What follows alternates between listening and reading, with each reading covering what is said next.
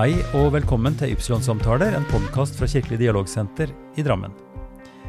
I denne episoden er jeg så heldig å få snakke med tidligere ordfører i Drammen, Tore Oppdal Hansen.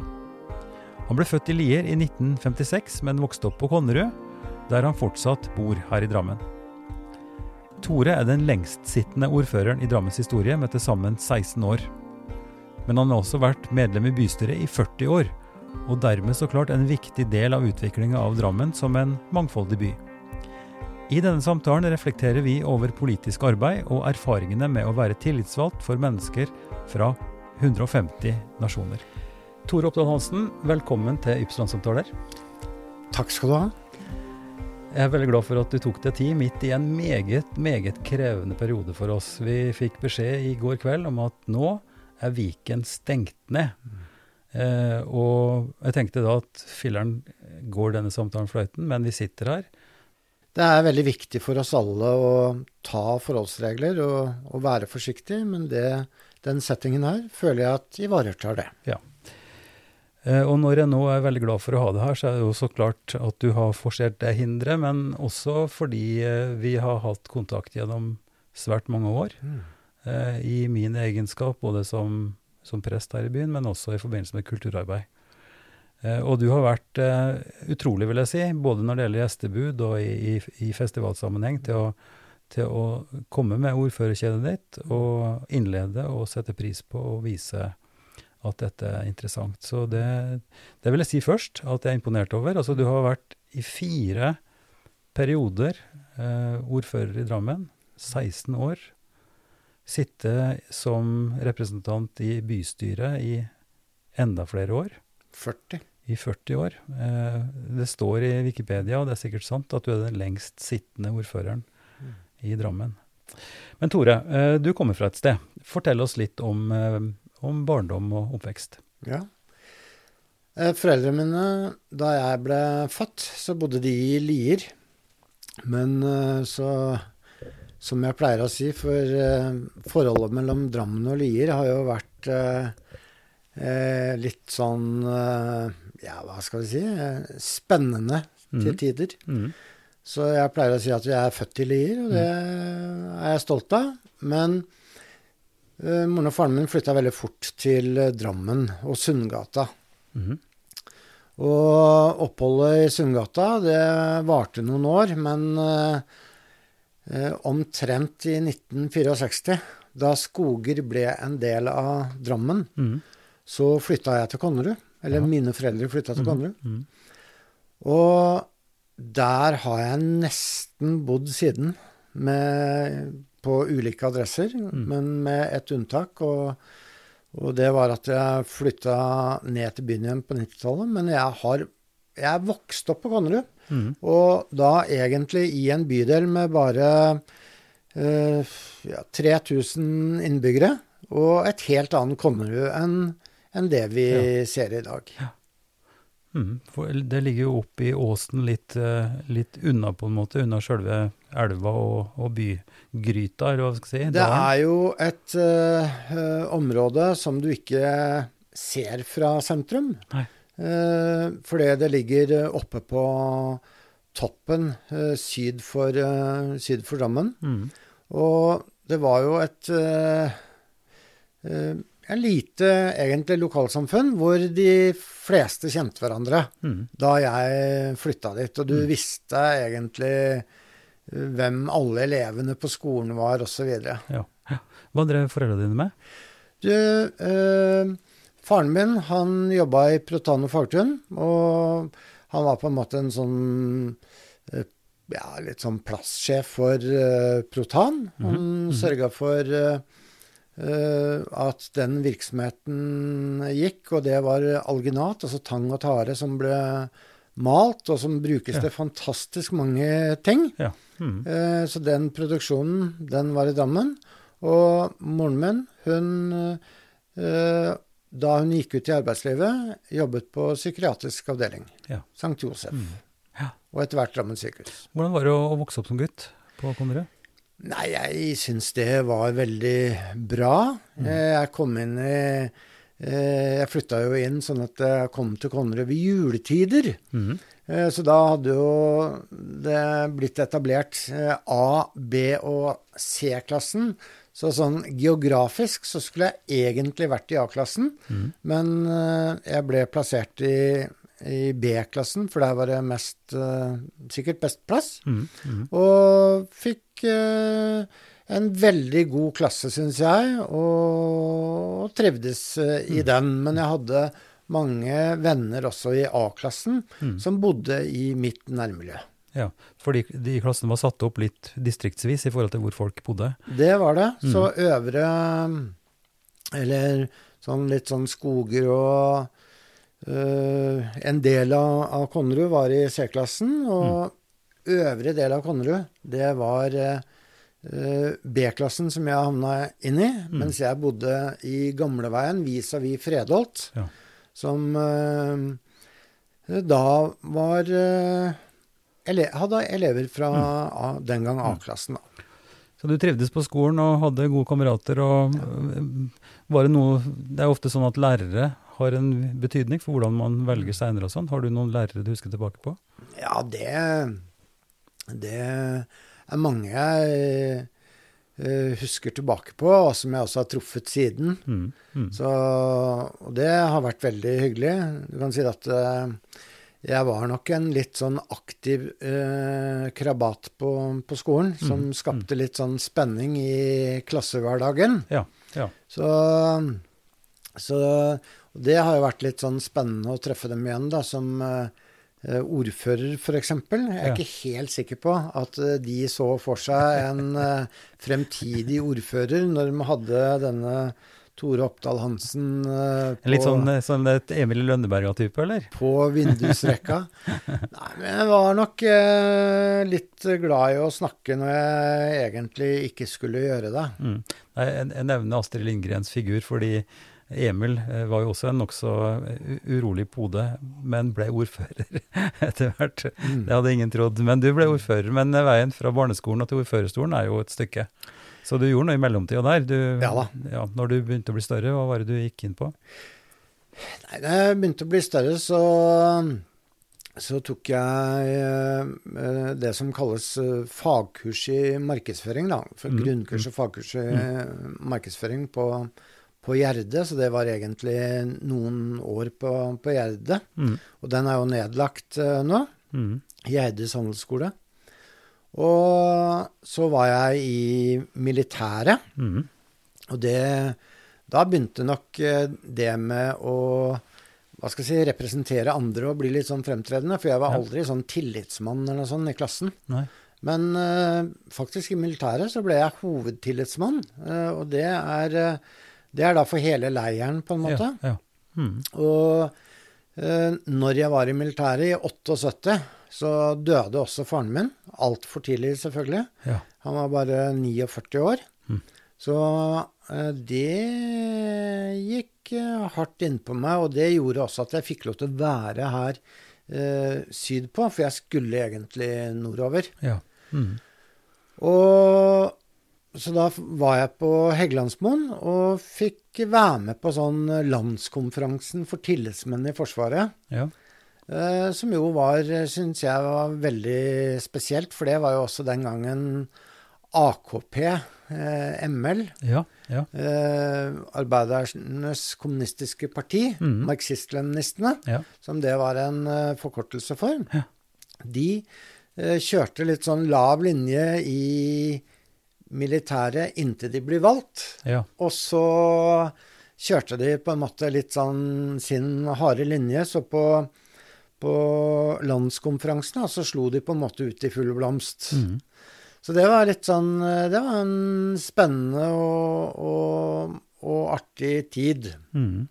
Men, uh, men Tore, vi har jo felles erfaring på å miste faren vår. Min, ja. uh, han, død, han var 64, men, uh, men altså allerede 49 år gammel. Mm. Vil du si noe mer, mer om det? Hvordan, eh, hvordan var det for deg å miste far såpass tidlig? Nei, det er jo et savn, og, men, og han døde av kreft, da. Så du kan si sjokket var veldig stort når, jeg fikk, eller når vi fikk vite det. Ja. At eh, her er det ikke noe håp, og her er det kreft, og dette går bare én vei. Mm. så når han døde, så var vi på en måte veldig sånn forberedt på det. Ja, ja. Mm. Eh, Men uh, nei, det var forferdelig tid.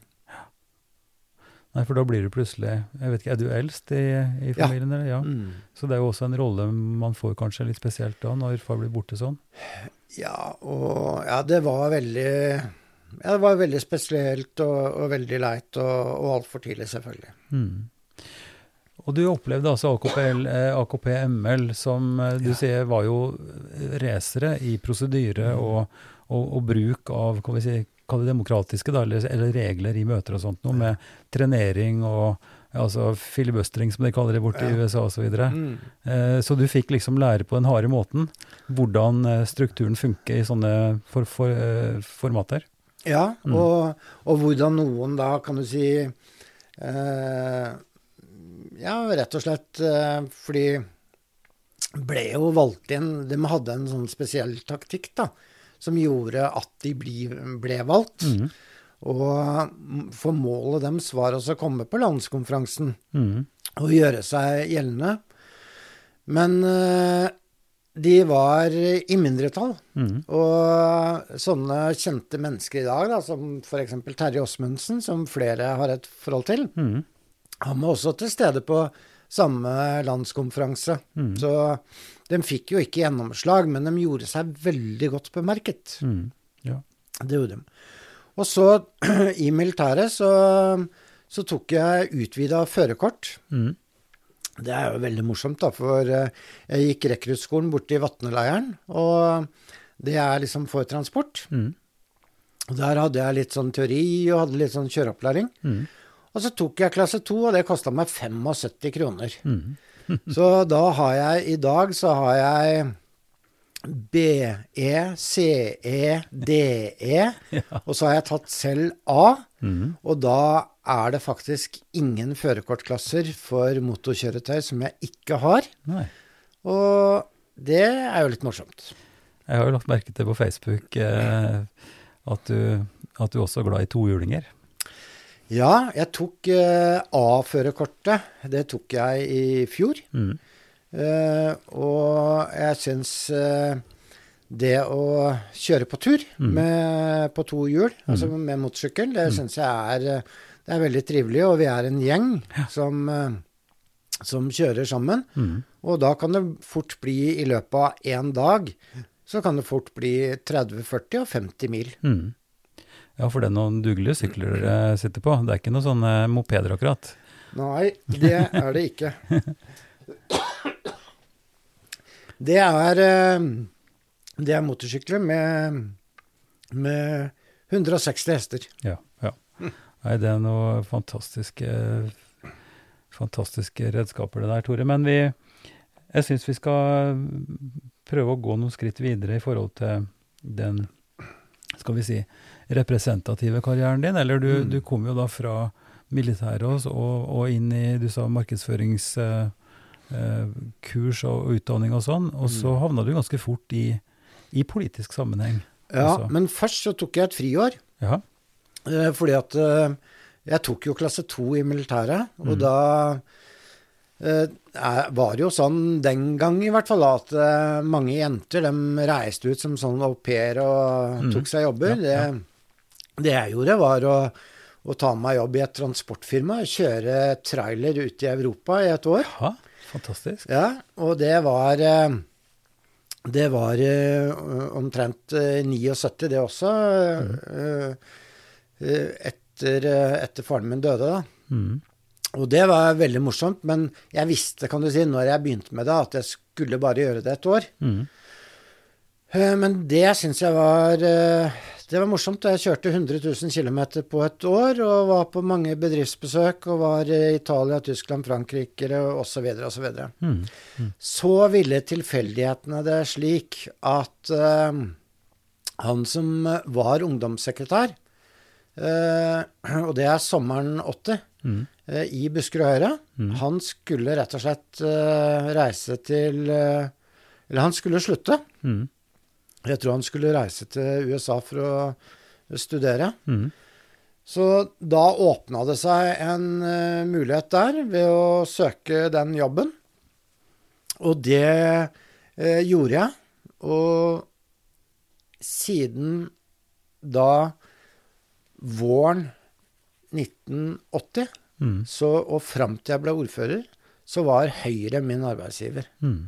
Så da jobbet jeg først eh, noen år i Drammen, eh, på Buskerud Høyres kontor, før jeg flytta inn til eh, Oslo og begynte i Høyres hovedorganisasjon og Oslo Høyre.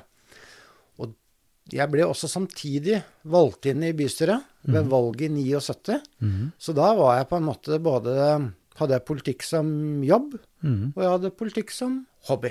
Ja. Politikk døgnet rundt, nesten. Det ble det, og det ble også veldig mye sånn jobbing, og det vet de fleste som jobber i organisasjonslivet, da. Mm, mm. At det er, det er eh, en livsstil, og du jobber mye, mye mer enn 40 timers arbeidsuke. Ja da, og det, det vet jeg, det, det kjenner jeg til fra politikken, men jeg ser også at, eh, at det som en er opptatt av, altså ting som blir noe mer enn bare akkurat en, eh, noe for føa og for smør på brød, liksom, at det, det blir et engasjement også. Det blir noe som, som fanger både interesse og, og, og kanskje tenner også engasjement til større ting. Ja. Så det, det forstår jeg, og det er jo så klart både positivt, men det kan også være slitsomt, eh, fordi det nettopp blir så mye. Men Tore, jeg, jeg lurer på, hva var grunnen til at det ble Høyre? Var det, var det klart tidlig for deg at, du, at det var det partiet du skulle jobbe i? Nei, det var egentlig ikke det. Uh, for at eh, jeg venta litt med å melde meg inn i et politisk parti, så jeg tror jeg var nærmere 17-18 år. mm -hmm. så det var egentlig litt grann seint. -hmm. Og så var det meg og en eh, kamerat som eh, ble med på et sånt Kall det grunnkurs i Unge Høyre. Mhm. Men da var jeg så bestemt på at det måtte bli Høyre. Og jeg visste jo knapt hva mine foreldre stemte. Mm. eh, og mm, var ikke noe sånn særlig påvirka hjemmefra, egentlig. Nei. Så, så det var et valg eh, som jeg tok, og det har vel vist seg at det var ganske riktig eh, den gangen. Jeg har i hvert fall aldri angra. Men, men hva liksom var knaggene? Hva var det som gjorde at du syntes at Høyre pektes ut så tydelig? Du hadde jo erfart AKP-ML, det var tydeligvis ikke Ja, ja. noe alternativ. Men det er jo et stykke vei derfra til Høyre. Ja, og dem hadde jeg ikke noe sympati med i det hele tatt. Nei, det er vel egentlig sånn eh, troen på enkeltmennesket, altså det som ligger eh, litt sånn grunn, eh, grunntanken, som eh, også ligger nedfelt i prinsipprogrammet, de verdiene og sånn som Høyre står for. Mm. Og eh, troen på enkeltmennesket, dette med å gi frihet og under ansvar og osv., osv. Mm. Jeg tror nok det var det som i bunn og grunn appellerte til meg, og som jeg følte meg hjemme i. Mm. Ja, ja. Og så, som du sier, du, du begynte i, i Buskerud Høyre, Mm. jobba som ung, var det ungdomssekretær, du sa? Ja, både Eller først eh, ungdomssekretær, og så etter hvert litt sånn ungdoms- og organisasjonssekretær. Mm. Så Og det syns jeg var veldig givende, da, å få lov til å jobbe med dette her på, på heltid. Og eh, det morsomme den gangen var at eh, vi greide å etablere unge høyreforeninger i samtlige Buskeruds 21 kommuner. Og det var faktisk litt krevende den gangen, Mm. og i dag hadde det vært en umulighet. Fordi Fordi at eh, den gang så hadde du en mye, et mye større engasjement rundt partipolitikk mm. enn hva du har i dag. Og jeg kan bare nevne ett eksempel for deg. Mm. Og det er eh, Da sa vi at det å ha en organisasjonsprosent i Høyre på 30, det er det man burde ha. Og hva betyr det? Jo, at 30% av de som stemmer Høyre ved valg, de burde være medlemmer. Ja. Så da skjønner du at på det tidspunktet, mm. eh, på da begynnelsen av 80-tallet, Mm. så, eh, så hadde du en eh, tilhørighet rundt de politiske partiene Mm. som du ikke finner i dag. Og det gjorde jo også at du hadde helt andre prosesser rundt program- og nominasjonsarbeid, Mm. f.eks. når det var så mange medlemmer Ja. med. ha- handler dette om, eh, om engasjement? Eh, handler det om hva slags tidsperiode det var? Handler det om, om, eh, om medietilfang? Om, altså, det er veldig, det er veldig, det stor, veldig stor forskjell på disse 40 åra, da. Det handler om mye. Og den gangen så hadde du ikke alle disse hva skal jeg si, interessemulighetene.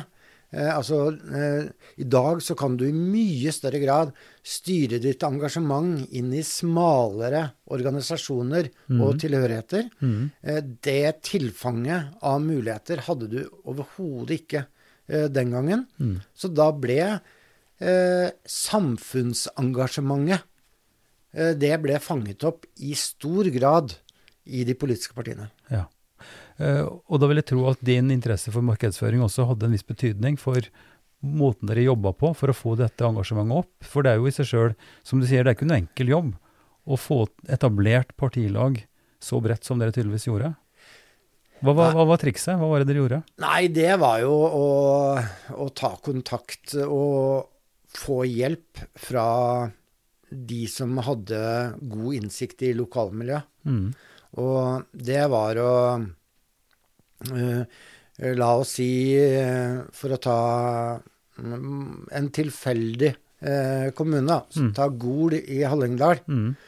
så gikk du til kanskje formann og styre i Høyre Mm. og spurte liksom hvilke ungdommer eh, tror vi Mm. eh, er eh, kunne tenke seg å stemme Høyre. Mm. Hvis du hadde hatt muligheten til det, Mm. og kanskje også vært med litt i å drive fram en, eh, en eh, Unge Høyre-forening. Mm. Eh, og så fikk du da eh, fram noen eh, kandidater, og så tok du kontakt, og eh, veldig ofte så var det et godt arbeid som eh, ga gode treff. Mm. At det rett og slett var ungdom som hadde veldig lyst å, til å engasjere seg. Og da fikk de et tilbud også, kanskje? Det var noe som var attraktivt på et vis Ja, for dem? da, da var liksom eh, Det viktige, det var å, det var å etablere et styre eh, i en eh, forening. Mm. Og etter det så rulla det litt av seg selv, for da tok de og, og fikk flere til å, å bli med, og så ble det et eh, miljø til syvende og sist. Men det er veldig interessant det du sier, Tore, om at, eh, at det er en annen virkelighet nå. At det er flere eh, Altså det er, mer, det er mer mangfoldig, det er større variasjon av segmenter eller, eller ting du kan gå inn i. Og dette, når du da tok skrittet videre og begynte å jobbe i Oslo og fikk sentrale oppgaver i, i moderpartiet, så er jo dette også en, en prosess gjennom svært mange år hvor du har observert både lokalt i lokalpolitikken og sentralt på hvordan dette har, har utvikla seg. Og, og vi kan ikke gå veldig dypt inn i det, har vi ikke tid til, men om du kunne ha kanskje eh, sagt noen punkter som du tror er forskjellige nå, og hvorfor? Altså hva er det som er situasjonen nå, eh, til forskjell fra da? Eh, og, og hvordan påvirker det på en måte det partipolitiske arbeidet, tror du? Altså, det er et veldig, veldig veldig stort spørsmål. Jeg vet, jeg det vet, hadde det er nesten krevet mulig. en Ja. egen til Ja. å gi et godt svar på. En hel serie, tenker jeg. Ja. Men nå tar vi et riss. altså Du sitter i dette veldig lenge, og du kan Mm. altså Jeg pleier å si når vi har sånne minnetaler ved begravelser, at vi kan ikke bruke fargestifter og mange Nei. skygger her, men vi bruker strektegninger, vi bruker kullstiften. Og du skal lage et riss. Hva Men, blir det da? eh, For å ta én ting, da, så tror jeg det at eh, Eller jeg er helt sikker på at politikken rekrutterte bredere tidligere. Mhm. Så det er veldig mange så, i dag som velger bort politikk. Engasjement rundt politikk. Og hvorfor det? Jo, fordi at uh, før så var det faktisk en hedersbevisning å bli valgt inn i bystyret. Mhm. Da jeg ble valgt inn i bystyret, så var det sånn at uh, de følte det litt som en ære, de som satt der. Mm. Ja. ja, det burde jo være det. Det er jo tillitsvotum. Ja, altså du får jo i oppgave uh, å være med på å utvikle lokalsamfunnet eh, på vegne av noen, så det er et voldsomt tillitsvotum. Mhm. Men så har det utviklet seg i den retningen at eh, man ser ikke på politikk på den måten lenger. Og det er rett og slett eh, ikke Det er ikke eh, Det er selvfølgelig fortsatt den dugnaden det er Mm. på vegne av hele lokalsamfunnet. Mm. Men eh, det er nok ikke så ærefullt eh, å sitte i bystyret som det det var eh, tidligere. Og da blir det også sånn etter hvert at eh, folk velger å prioritere sin tid annerledes. For det er ganske arbeidskrevende Mm. å være folkevalgt. Så noen driver kanskje som bedriftseiere, eller har ledende stillinger i virksomheter. Mm. Og da satser de mer på sin egen virksomhet eller på jobben sin. Mm. Eh, andre igjen eh, satser på familien sin og bruker mer tid på den. Mm. Mm. Og da kommer liksom den folkevalgte oppgaven litt i andre rekke. Så Men samtidig eh, så er det også sånn at eh, eh, de politiske partiene må jo ta inn over seg at man, når du tar på medlemsmassen, Mm. at de representerer nå en stadig mindre del av de som stemmer. Mm. Og heldigvis så er det fortsatt uh, uh, en del som bruker stemmeretten sin ved valg, da. Mm. Uh, selv om det er noen færre ved lokalvalg enn ved, ved riksvalg.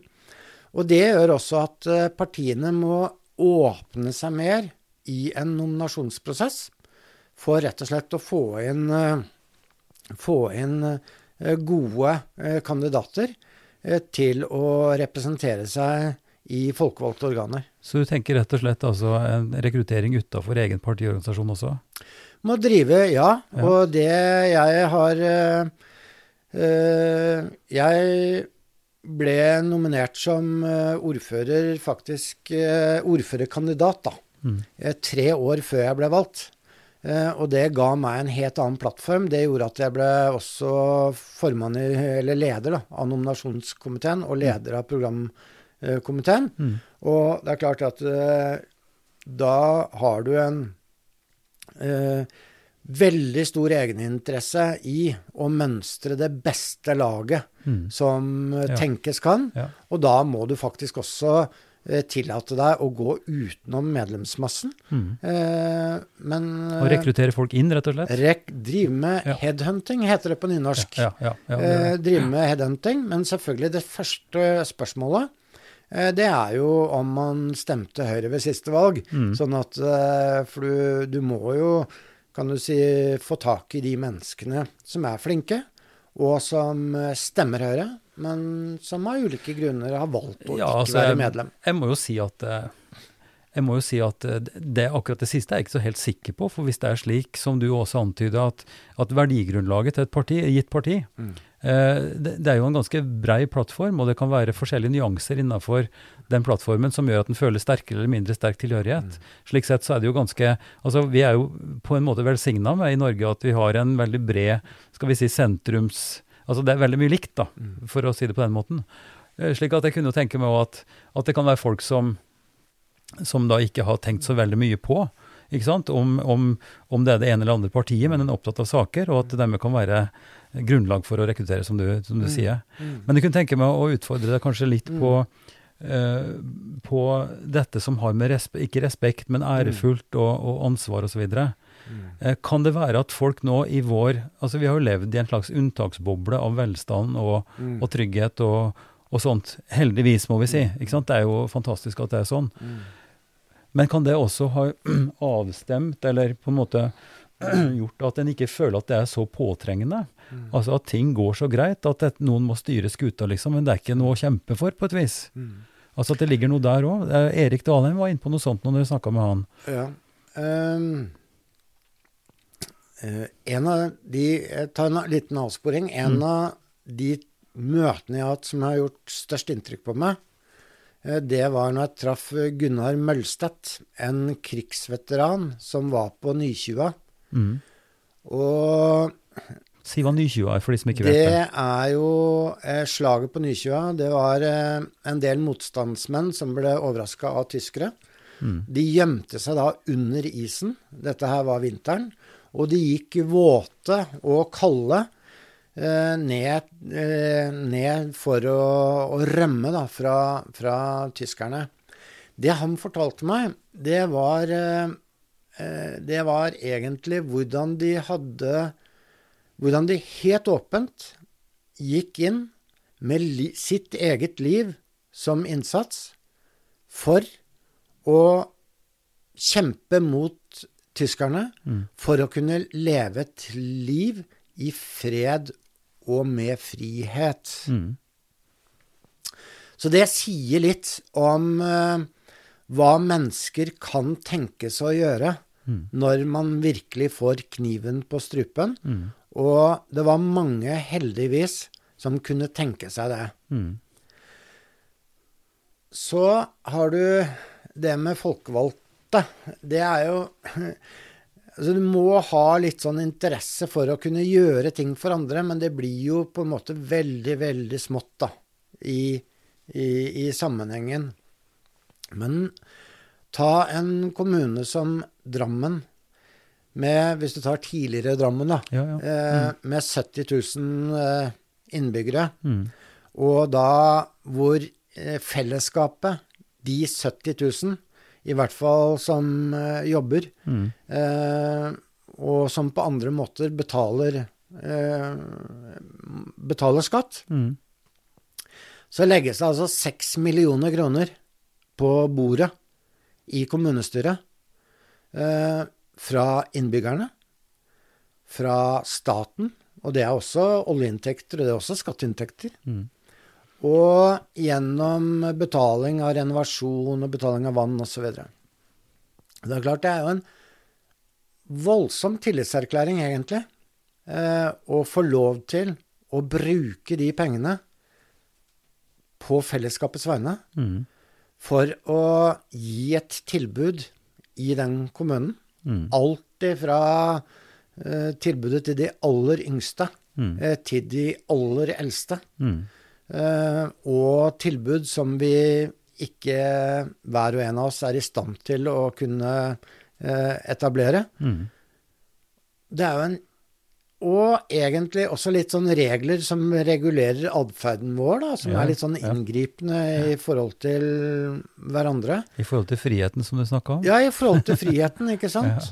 Og da er det ulike partier som har ulik vilje til å, å ta sånne virkemidler i, i bruk. Og det er klart at det, det er litt av en oppgave Mm. som de folkevalgte får. Mm. Og det er en veldig viktig oppgave Mm. som uh, gjøres hver eneste dag, eh, hvert eneste år. Men, ta, men er det sånn at vi tar ting for gitt, Tore? Altså er det sånn at vi, sånn som vi er inne på, at vi, vi har nådd et velstandsnivå, og det vi krangler om er jo i relativ grad da forhold til hvor godt vi har det. Altså de små tinga blir kanskje større.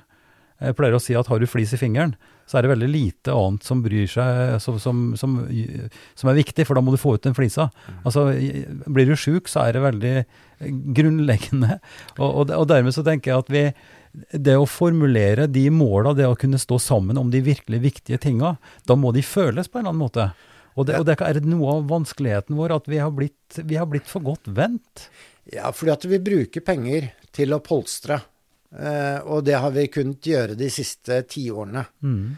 Eh, hvis du ser litt i krystallkula nå, så Og hvis du ser liksom sånn ti år framover i tid, 15 år, Mm. så vil oljeinntektene minke. Mm. Statens utgifter til eh, pensjoner, Mm. statens utgifter til helse, Mm. Eh, kommunenes eh, gjeld vil øke. Med det mener jeg å si at eh, statens evne til å gi kommunene penger vil reduseres, Mm. og kommunenes oppgaver, antall eldre over 80 år, bare for å ta ett eksempel, Mm. vil om ikke så veldig lang tid dobles. Mm. Sånn at eh, eh, det blir mye mer krevende i årene framover å være folkevalgt. For eh, da må ordet Da vil ordet prioritere Mm. få en helt annen betydning, Mm. og det vil bli mye mer krevende. Ja. Og jeg tenker det at eh, da vil antageligvis motsetningene i et lokalsamfunn som Drammen eh, øke, fordi at eh, de ulike menneskene har ulike prioriteringer. Mm. Og i, i Drammen så vil det da, tror jeg, bli mer kamp om et knapphetsgode, eh, som da blir eh, goder som fordeles på budsjettet, Mm. enn hva vi har, eh, enn hva vi har i Mm, dag. Så, så vi har det veldig bra i dag, Ja. og derfor så tror jeg det at eh, folk heller ikke finner noen grunn til å engasjere seg. Men du så på Konnerud nå, hvor det var snakk om at tre barnehager eh, skulle Ja. legges ned, Ja. og så kom engasjementet. Mm. Og det, det tror jeg altså er helt, eh, helt grunnleggende viktig å skjønne. At er når, når ting angår oss, sånn at vi kjenner på kroppen, når vi, når, når vi virkelig skjønner at her er det ting på spill, så våkner folk. En kan ta, ja, en kan ta en eksempel etter det andre, som vi ikke bør nå, men jeg vil bite meg fast i det du sa, at Mm. når, når vi får utfordringer, altså når, når knappheten kanskje blir mer tydelig, når vi må begynne å prioritere, velge blant flere muligheter, altså velge bort noe, da, først og fremst. Og det er vi ikke vant til. Altså Vi er vant til bare å øke pengesekken fordi vi har fond osv., oljefond og sånn. Men dette er også et viktig punkt som både du og jeg har, har tenkt eh, ganske mye på gjennom åra. Altså nettopp dette med, med samhold, fellesskap i, i det mangfoldige. Eh, fordi eh, på din vakt da, som ordfører så ble det jo mer og mer tydelig, og har vært det lenge før det, at, at byen som i utgangspunktet er en industriby, som har trukket folk fra hele landet, fra Norden osv., så videre, også etter hvert fikk folk mye lenger fra. Og i tillegg så har vi fått flyktningproblematikk og migrasjonsstrømmene. Eh, og da vil jeg gripe tilbake til, til i 2007, da du satt som ordfører. Og jeg, jeg hadde vært i England og blitt veldig inspirert av en gjeng i Leicester. Mm. Eh, og da inviterte vi til et lite seminar oppe i Fjell kirke, i underetasjen der. Og vi var lykkelige for at ordfører Tore Oppdal Hansen hadde tid til å komme og ha en liten innledning. Mm. Det som gjorde inntrykk på meg, var at du ble en time. Mm. For du hadde på forhånd sagt at dette, du hadde litt tid, og du kunne komme. Mm. Men du ble en time fordi at du ble fascinert av noe av det, av det som eh, Suleiman Nagdi og, og han Shanti eh, snakka om. Hva var det som traff deg da, Tore? Eh, men da må jeg nevne et annet besøk først. Ja, gjør det. Og det var i Malmö, eh, som vi hadde Da var jeg før jeg ble ordfører. Og da dro vi på besøk til Malmö fordi vi ønsket å høre litt hva de gjorde Mm. i en by som hadde 35% av innbyggerne med annen etnisk bakgrunn enn svensk. Mm. Og det som eh, jeg oppdaga da, det var at eh, de gjorde svært lite. Og det var ganske, gjen, eh, det var ganske dårlig gjennomtenkt, det de gjorde. Det skremte meg. Så når jeg møtte de fra Leicester, så møtte jeg mennesker som var ganske modne i tankegangen. Altså England som et eh, mangfoldig eh, sammensatt uh, samfunn, som et internasjonalt sammensatt samfunn. Leicester på den tida var vel én av tre byer jeg, i England som hadde mer enn 50% av det vi kaller innvandrerbefolkning. da. Ja, det var eh, Det lå, lå der. Og, og de hadde en mye mer hva skal jeg si, velutvikla tankegang rundt det å være et uh, Være en internasjonalt sammensatt by. Mm. Eh,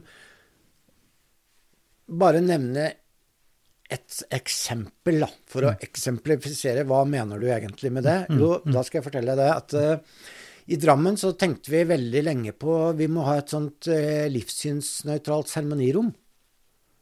For uh, når det at folk dør, da er man veldig opptatt av Altså de etterlatte er veldig opptatt av at at det å ha en verdig seremoni ved livets slutt, det er man veldig opptatt av. Mm. Så det, det var en debatt i Drammen, og det lagde vi. Eh, Det ble kapellet som da hadde muligheten til å dekke til de kristne symbolene. Mm. eh, Og gjøre det livssynsnøytralt. Og så var det muligheter også for oss å sette ut symboler som, som gjorde at man følte en tilhørighet. Så kom jeg altså til Leicester. Um, og ta de med muslimsk eh, bakgrunn. Ja, vi dro dit sammen på Det var i 2008, på, Ja. høsten, eller på våren. Ja. Mm. Og da er det sånn at du eh, Er du muslim, så skal du helst eh, gravlegges innen 24 timer. Mm. Og der var gjennomsnittstiden eh, Den lå på en sånn ca. syv timer. Det skjedde døgnet rundt. Derfor så var det flomlys på kirkegården. Eh, man kunne velge mellom åpen grav eller eh, kiste. Eh, og det var i det hele tatt lagt til rette for da de med et annet En annen tro, en, en annen religion Mm. enn kristendom, som viste at uh, engelskmennene tar mye større hensyn, rett og slett, Mm. til uh, uh, de ulike etniske gruppene og religiøse gruppene Mm. som utgjør landet, og som utgjør byen. Mm. Og da ble motsetningen til Malmö for meg veldig stor. Mm. Og det var ikke For meg så, så har det aldri vært tvil om at eh, når du tar f.eks. Drammen, eh, eh, så er Drammen en by med nå over 30 eh, innbyggere med annen etnisk bakgrunn enn norsk. De er like gode drammensere, de, Mm. som den 70 Mm.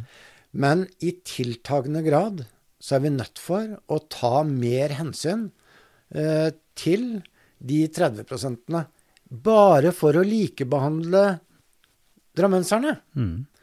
Så det hadde de i stor grad gjort i Leicester, og det hadde de ikke gjort i Malmö. Og du ser hva som skjer i Malmö nå. Det er misfornøyde innbyggere. Og misfornøyde innbyggere, de blir ganske fortvila. Mm. Og det får mange også veldig uheldige utslag. Mm. Men hvis vi skal ta da den erfaringa som du har gjort rede for, og det inntrykket som du fikk, eh, hvordan vil du si at det har påvirka din tid som ordfører videre? Hva, hva føler du at, at du og, og Drammen kommune har gjort for å prøve å balansere ut dette? Kan du si litt om det også? Ja, det er jo én Altså for meg så var det veldig viktig, altså, viktig å, å være en ordfører for alle. Mm. Eh, og det betyr at eh, det skulle svært mye til for at jeg takka rett og slett nei. Eh, jeg takka ikke nei av prinsipielle eller noen spesielle grunner. Eneste gangene jeg takka nei, det var rett og slett fordi jeg ikke hadde tid Mm. og var dobbeltbooka, så kalenderen min var full. Mm. Uh, og jeg la litt vekt på, egentlig, å også være uh, til stede. Og i de ulike etniske eh, miljøene, eh, ulike religiøse miljøene eh, i Drammen, Mm. for å vise at jeg var en ordfører for, eh, for alle. Mm. Og så var nok det også en av grunnene til at jeg var med på å dra i gang Fjell 2020. Mm. Det var også etter at jeg hadde vært i Malmö, hvor jeg tok et møte med de fire borettslagslederne eh, på Fjell. Mm. Og rett og slett sa det at nå går vi fra prat, som veldig mange på Fjell hadde blitt fora med i mange år, Mm. over til handling. Mhm. Og, og da gjorde vi mye på Fjell, både på byutviklingssiden, Mm. men også på innholdssiden. Mm.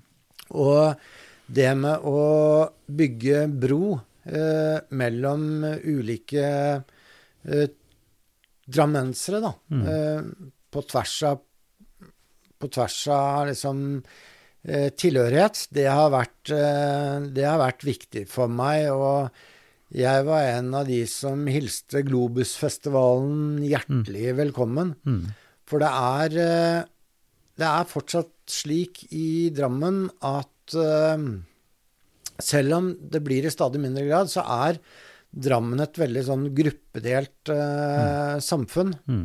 Så, og det er til og med sånn at eh, innen ulike etniske grupper òg, så hvis du drar i gang ett tilbud, så er det kanskje bare Så appellerer det til bare noen få innenfor f.eks. Mm. det tyrkiske Mm. eh, samfunnet, bare for å ta et eksempel. Det, det, er eh, ikke, det, er ikke spesielt, eh, det er jo ikke spesielt overraskende, for når vi ser på floraen innenfor kristenheten f.eks. Drammen er jo også en, en, en organisasjonsby. altså Alle disse frimurgruppene og, og sånn er jo én ting, og alle kristne menigheter er en annen ting. Så vi søker jo disse tette fellesskapene. Eh, Så det har kommet mer og mer til å, å forstå og prøve å tenke, det er jo at en har behov for disse tette eh, både språklige og kulturelle fellesskap og religiøse fellesskaper. Men jeg tenker både ordføreren og fellesskapet i stort. Sin oppgave er jo å lage mange nok tverrforbindelser, sånn at en faktisk møtes og kan klare å, å bygge dette tillitsnettverket som vi, er, og som vi er mer avhengig av etter hvert som det blir tøffere å prioritere, og, og hvor vi må søke sammen heller enn å, å liksom begynne å, slåss. da. Mm. Og det er jo også en viktig tillitsjobb, vil jeg tro, som du har stått i, og som jeg syns du har Mm. vist vei på. da. Men uh, dette må du sikkert ha tenkt på også. Ja. Og for eksempel, for å trekke fram et eh, godt eksempel som jeg er veldig glad for at vi fikk til. Eh, vi, hadde, vi, vi hadde en markering av 50-årsjubileet for arbeidsinnvandringen Mm. i Drammen. Ja. Og da fikk vi de ulike tyrkiske miljøene Mm. i Drammen Mm. til å gjøre noe sammen Mm. med Drammen kommune. Mm. Uh, og det er eh, Det gjorde vi også sammen med ambassaden. Mm. Så det er jeg veldig glad for, og det var viktig for uh, Drammen-samfunnet at den markeringen skjedde, og at man gikk sammen uh, for den markeringen. Men det å være politisk leder, da, som jeg var, i et mangfoldssamfunn som Drammen, eh, det er ganske krevende, og det er veldig mye du må lære deg å forstå. Mm. Så derfor så etablerte jeg også etter mal fra ordføreren i Leicester, for han, eh, han, eh, han ga meg noen tips og råd med på veien, og han sa at du burde, du burde etablere dialogforum. Mm. Uh, og det er det du som gjør.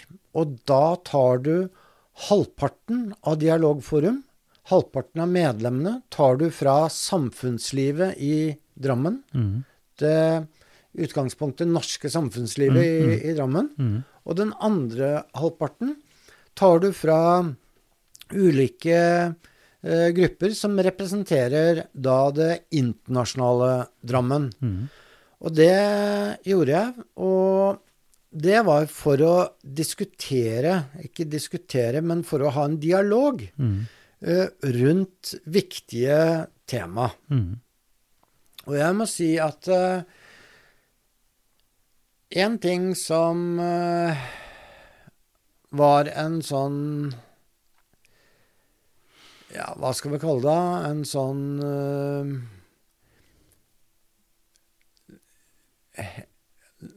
Etter, etter Eller etter uh, Utøya. 22. juli ja. 22. juli. 2011. Ja. Så hadde vi et møte i uh, Dialogforum. Mm. Og det var Dialogforum for ungdom. Mm.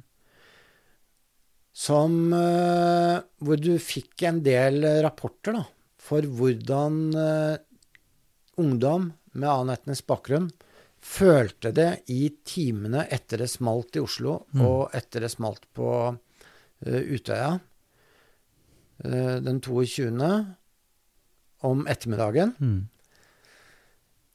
Og før det ble avdekket at dette her var jo faktisk en nordmann. Mm. Og da ringte de ungdommene til foreldrene sine og sa det at dere må komme hjem, for nå er det ikke trygt. Mm. For jeg tror uh, veldig mange trodde at dette her var et uh, terroranslag. Antageligvis av noen eh, muslimske Mm. ekstremister. Mm. Det gjorde at de Om de hadde den ene troen eller ikke, så tror jeg alle ble skåret over én kam. Mm. Og de blikkene de fikk, Mm. de var ikke mye vennlige. For meg så viser det hvor skjørt Mm. dette samfunnet her egentlig er. Mm. Så nå viste jo historien det, at uh, det var faktisk uh, en uh, nordmann som sto bak ugjerningen. Og da ble det på en måte mer normale tilstander igjen. Men det var ikke normale tilstander i timene etter regjeringskvartalet og Utøya den 22. juli. Mm. Og det er jo nå sterke stemmer også om i den siste tidas debatt eh, kanskje har også snakka om at det ikke ble godt nok tatt opp, altså de politiske, skal vi si rasistiske overtonene, altså det som dessverre også eh, fins i både kommentarfelter og, og ellers. Så dette er jo ikke noe som går over, dette er en, en, stadig, en stadig kamp, kan du si, eller stadig arbeid politisk eh, i frivillighetssamfunnet, i menigheter osv. for å bygge disse her tillitsbåndene som er sterke nok. For det som også skjedde den fredagen er jo interessant, for da fikk jeg en telefon fra Sukvinder i, i, i Sikh-tempelet, eh, som sa at hvis vårt dialogarbeid skal ha noe mening, så må vi vise det nå. Eh, og, og da skjedde det altså det, som det første stedet i Norge at en, en flerkulturell dialoggruppe søkte sammen og markerte dette på brua Mm. på søndagen på Ypsilon. Mm. Og så var det jo 20 000 som var på gatene på mandag Mm. med rosetog og sånt. Mm. Men dette er jo eh, noe som viser at konflikt også driver oss sammen. Mm. Men, men i dagliglivet, når ting er smooth sailing og ting er tilsynelatende normalt, så er det også veldig viktig. Og da tenker jeg òg i det kommunale arbeidet, i, i partiarbeidet, og det vil jeg at du kanskje skal si litt mer, vi går mot slutten, Mm. Tore. Mm. Men eh, altså du som, du som ordfører og, og leder for en kommune sitt politiske arbeid, og så klart så spiller det på lag med rådmann og hele apparatet av fagfolk. Eh, hvor sterkt føler du at akkurat dette altså Det er jo litt subtilt, det er litt spesielt, for det er ikke så lett å sette fingeren på hva du gjør for å skape den tilliten. Mm. Ikke sant? Hva, slags eh, Og da tenker jeg også i ditt arbeid nå i, i Viken, som er en, en, for så vidt en ny konstruksjon, men en større politisk enhet. Eh, Hvor viktig vil du si at dette myke Altså Én ting er politisk struktur og demokrati, og at, at det som fungerer så godt som det kan, men disse skal vi si, overordna, eller kanskje mer grunnleggende ting som gjør at vi fortsatt kan se åpent blikk på hverandre og tenke at du er Altså, vi ser ikke hudfargen eller religion, men vi ser mennesket. Hvordan skal vi klare å holde fast i det, Tore, Mm. framover? Hvis du har eh, en du kjenner da, med f.eks. pakistansk bakgrunn, Mm. så er det noen konfliktakser som eh, hos meg som er eh, veldig små. Eh, eller vel, ja, noen konfliktakser som er veldig små. Men hos eh, den du kjenner, er kjempestore. Forklar. Jeg skal nevne eh, noen. Det er eh, enkeltmenneske kontra familie. Mm. For oss så står Altså, for oss eh, etnisk norske står enkeltmennesket og respekten for enkeltmennesket sterkt. Du skal eh, Du kan velge selv hva du ønsker av utdannelse og sånn. Du skal ikke styres av noen, liksom, ikke sant. Det er en del sånne ting. Mens eh, i andre kulturer så spiller familien en veldig stor eh, rolle. Og, en og hva skal jeg si, familiens eh, syn påvirker livet ditt veldig. Mm. Eh, så har du dette med skam og ære. Mm. For meg er det en veldig kort uh, uh, akse. Mm. Og jeg bryr meg ikke så veldig mye om skam. Uh, og det er hyggelig når noen sier noe hyggelig, liksom. Eh, ære. Mm. Men for andre så er det skam, det er nesten at hele verden går i grus. Mm. Eh, og ære er eh, veldig viktig. Mm. Så når man på en ikke Altså når man ikke Man må skjønne at uh, mennesker med en annen etnisk opprinnelse da, kanskje har med seg litt sånn annet i ryggsekken Mm. enn du selv, Mm. uten at de nødvendigvis er noe dårligere mennesker av den grunn. Men rett og slett, de, de kommer fram til litt sånn andre svar på ting. Mm. mm. Fordi at de har eh, rett og slett litt andre referanser som Mm. de er eh, oppdratt med. Og det er jo det vi må eh, respektere. Mm. Og det er jo det vi må ta hensyn til. Sånn at det er jo i et lokalsamfunn da, som Drammen, så pleier jeg å si det at da er det viktig at misnøyen er ganske jevnt fordelt Ja, mellom ulike etniske grupper. det er et godt poeng. Mm. Ja. Mm. Og det er når eh, misnøyen får etniske skillelinjer, eh, det er da det begynner å, å bli en utfordring. Mm. Og derfor så er jeg veldig eh, glad for at vi i Drammen kommune satt søkelyset på f.eks. arbeidsledigheten Mm. Eh, blant innvandrere, altså de med innvandrerbakgrunn, Mm. kontra norske. Derfor er jeg veldig glad for at eh, Terje Stykke, Tor Kirkeng, Brødrene Ølstad, og ikke minst deg også, eh, tok det initiativet, rett og slett med internasjonale Drammen, og jobbet med holdningene til de som skulle ansette. Mm. Rett og slett for å se verdien i det. For vi skal leve i fred og harmoni eh, i lokalsamfunnet her i Drammen. Og da må vi eh, da må vi respektere hverandre. Jeg tror det at eh, vi har kommet bare et lite stykke på den veien. Mm. Eh, I Leicester så har de kommet mye, mye lenger.